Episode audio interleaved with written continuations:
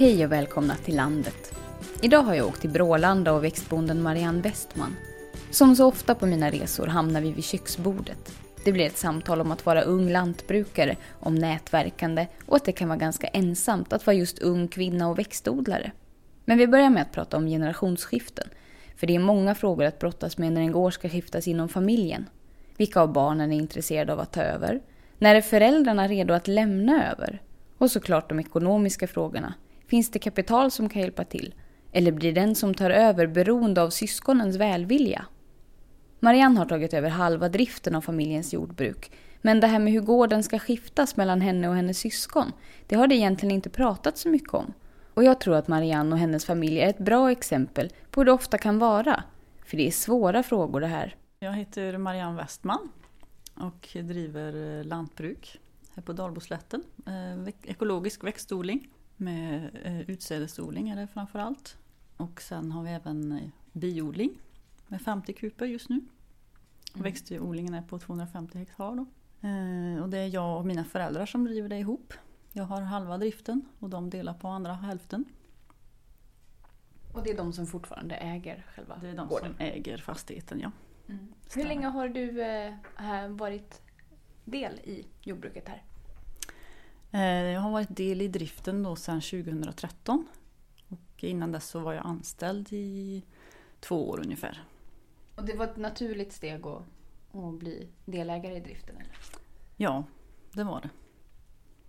Och målet, vad är det? Ja, målet är väl att ta över hela stället då. Mm. Det är bara hur det ska gå till som är frågan. Ja, om vi börjar med driften då. Mm. Eh, har ni liksom kommit fram till någon plan om hur det ska gå till? Eh, liksom en, eller på något sätt hur, ja. hur, det ska, jag ska ta över? Ja, helt. precis. Till att ta över till 100%. Nej, det har vi väl inte gjort. Vi var nog så nöjda att vi kom på det här. Som vi, det här steget vi har tagit. Och sen har det liksom rullat på med mycket. Eh, så det har jag faktiskt inte funderat så mycket på tills du frågar nu då. Men det kan ju vara min pappa är ju 65 så han ska gå i pension nu och då kan det ju kanske vara ett naturligt steg att han lämnar över sin del också. Så får vi se om mamma vill vara kvar ett tag till också eller hur hon vill göra. Mm. Vad är det för äh, äh, form? Är det ett aktiebolag eller hur? Nej, det är en, eh, vad heter det nu, ett enkelt bolag. Så det är ju som en enskild firma egentligen. Fast det är ja, en samarbetsform som kallas enkelt bolag. Mm. Och själva marken och det då? Du sa att ni inte mm. hade funderat så mycket förrän, förrän jag ringde och ville att ni skulle vara med i podden. Eh, jo, det har vi väl gjort eh, angående det. Men eh, ja, det är så här, man tar upp det någon gång på någon släktmiddag eller någonting och så, så händer det kanske inte så mycket men folk, alltså var och en funderar väl lite grann på, var, på varsitt håll. Eh, så. Men när du ringde då så ringde jag ju upp mina syskon direkt och ställde frågan rakt ut. Så de blev lite chockade men då, då får de börja, i alla fall börja fundera mera. Och deras, eh, som de tänkte nu var ju att eh, om jag vill ta över så eh, är de gärna, underlättar de gärna för mig genom att låna ut pengar då eller att de blir delägare också eller något sånt där då. Men just hur vi ska lösa det, det har vi nog ingen aning om. Eller det behöver vi ha hjälp med hur man, eh, hur man löser det bäst och för och nackdelar med olika alternativ. Det skulle ju vara väldigt bra om man kunde få hjälp med. Mm. Men det första är väl kanske ändå att man, att man får veta om det, det, För ibland kan det ju vara så att man är flera som vill ta över driften och då är ja. det först det man behöver lösa. Eller mm. om det är så att man, man vill helt olika saker och inte kan samarbeta. Så att, eh, det ja. viktigaste steget är kanske taget då att, att ni ändå har liksom kommit fram till att det, du vill ta över. Och de vill jo, inte bruka jorden. det kan man väl säga. Ja, nej, de har ju andra karriärer. Så. Sen är de, eller speciellt min syster är ju ganska ung, eller hon är 25. Eh, och jag är 35.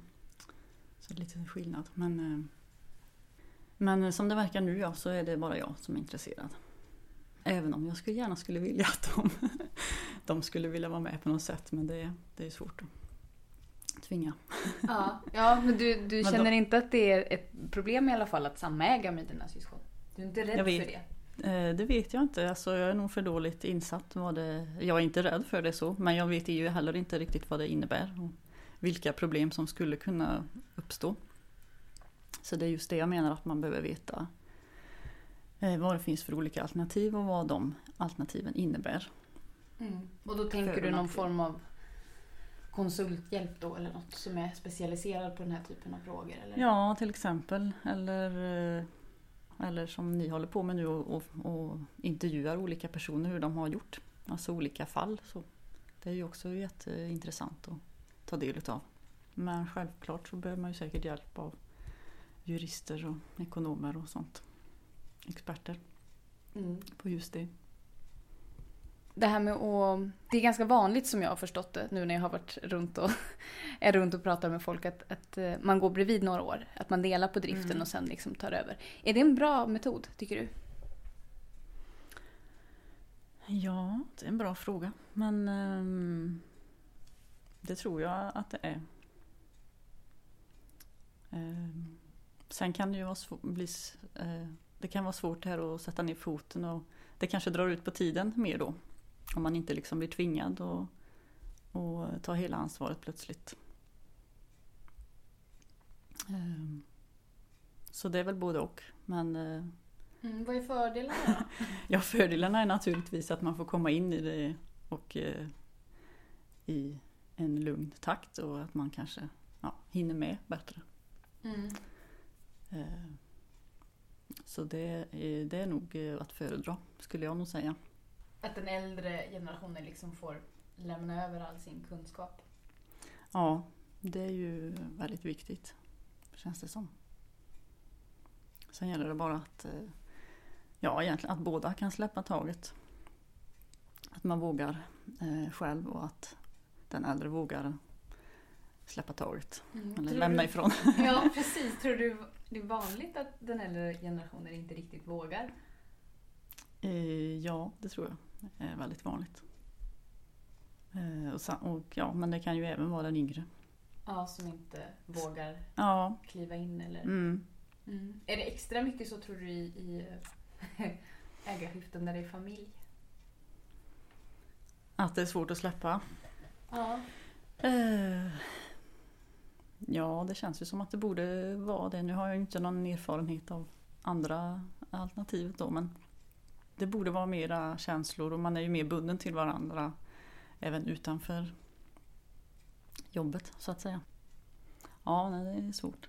Ja, fast samtidigt när du berättade att, att när det blev aktuellt att du skulle vara med i det här avsnittet mm. så ringer du och ställer frågan rakt ut till dina syskon. Att även om man har liksom pratat lite löst och, ja. men plötsligt, att det är någonting som krävs för att man ska våga börja mm. prata om framtiden mer Jo, det är det. Ja, jo, det är det ju. För att det är väldigt lätt att skjuta det på framtiden. Och, alltså det rullar ju på i livet och jobbet och det rullar ju på hela tiden. Man har liksom fullt upp ändå. Så att eh, det är inget som man naturligt kanske känner, ja men nu, idag ska vi ta tag i det här nu. Ja, men tror Utan då behöver det kanske att man har fått en spark i baken på något sätt. Ja. Kan det vara så att man är lite rädd för det också? Absolut. Att man drar sig för det? Ja, ja absolut. Det är ju jobbiga frågor så att det är ju det är ju lättare att bara ta det när det kommer av sig själv. Mm. Men om man tänker tidsmässigt och sådär. Finns det några särskilda tidpunkter som du tror att det är, det är extra bra att börja inleda generationsskiften och ägarskiften? Eh, ja, det är väl bra att börja prata om det i alla fall så tidigt som möjligt. Eh, för att det är en process som kan behöva ta tid. Och att det är mycket som man ska fundera på och sådär eftersom det är ganska stora beslut naturligtvis. Ja, och sen är det där då att det inte ska ta för lång tid heller. Utan någon slags lagom där då. Det är väl det som är svårt. Men börja så tidigt som möjligt. Och, eller ja, när man är, barnen är så pass gamla att de kanske börjar fundera på vad de ska göra framöver och bilda familj och sådär. Ja, precis. Och så de, de inte hinner börja med det. Och Ja, det kan ju vara ett problem att man kanske kände för att ta över gården men känner att det kommer inte det kommer ta för lång tid så då man gör något annat istället och det är ju sorgligt om det blir så. Ja, precis. Eller man har hunnit rota sig så mycket på en annan mm. plats och kanske hunnit skaffa flera barn och kände att men, det känns inte riktigt aktuellt att Nej, flytta med mig hela familjen och Mm. börja om på nytt här. Ja, Liksom. precis. Men samtidigt måste, tänker jag att det måste ju vara svårt då, om jag, om jag försöker sätta mig in i, i den andra generationens eh, Mm. perspektiv, att det kan vara svårt att lyfta sådana frågor tidigt om man fortfarande är liksom i arbetsför ålder. Eh, man kanske har barn som är i 25-årsåldern liksom, Mm. och vill kliva in. Men samtidigt så har man inte ens fyllt 50 själv och tycker att men jag har ju liksom 10 år kvar. eh, Mm. att det, att det, man, jag kan förstå att det är svårt då. Ja, absolut. Det var därför det är så svårt med generationsskiften. Eh, Det är ju också en anledning till att det är bra att, eh, att gå bredvid och inte bara att de får flytta på sig och hitta på något annat. Utan Mm. att man går sida vid sida. Ja, och precis som att du var anställd i början Mm. så kan det ju sluta med att de är anställda av dig till Precis. exempel. Mm. Om man kan få rollerna att fungera Ja. Så kan man ju faktiskt som äldre generation vara kvar fast man inte driver det längre. Mm. Absolut. Men det känns som att det är ganska ovanligt. Eller jag har inte hört om så många kanske fall fall där, där det liksom slår över sen och så blir det... Det är nog inte så många som kanske som det går så fort för att göra generationsskiften så att det blir så. Utan det blir väl snarare det andra alternativet att det är pension som är- som man har hunnit fram till. Kan Ja, jag tänka mig. när det är klart. Liksom. Ja. Ja, så är det nog. Men om jag tänker eh, generellt liksom. Mm. Eh, och vara ung och lantbrukare. Mm. Vad, eh, hur tänker du om framtiden liksom? Om, om det svenska lantbruket? Jag har inte funderat så jättemycket så stort. Jag har haft så nog med det lilla. Men eh, ja, men jag måste ju se positivt på, eh, på framtiden. Annars hade jag ju inte, hade jag ju inte hållit på med detta. Nej. Har du fått någon hjälp i uppstarten? Liksom? Någon form av startstöd eller? Ja, startstöd har jag fått då, ifrån vem det nu var ifrån, EU eller Jordbruksverket. Har du fått någon annan support?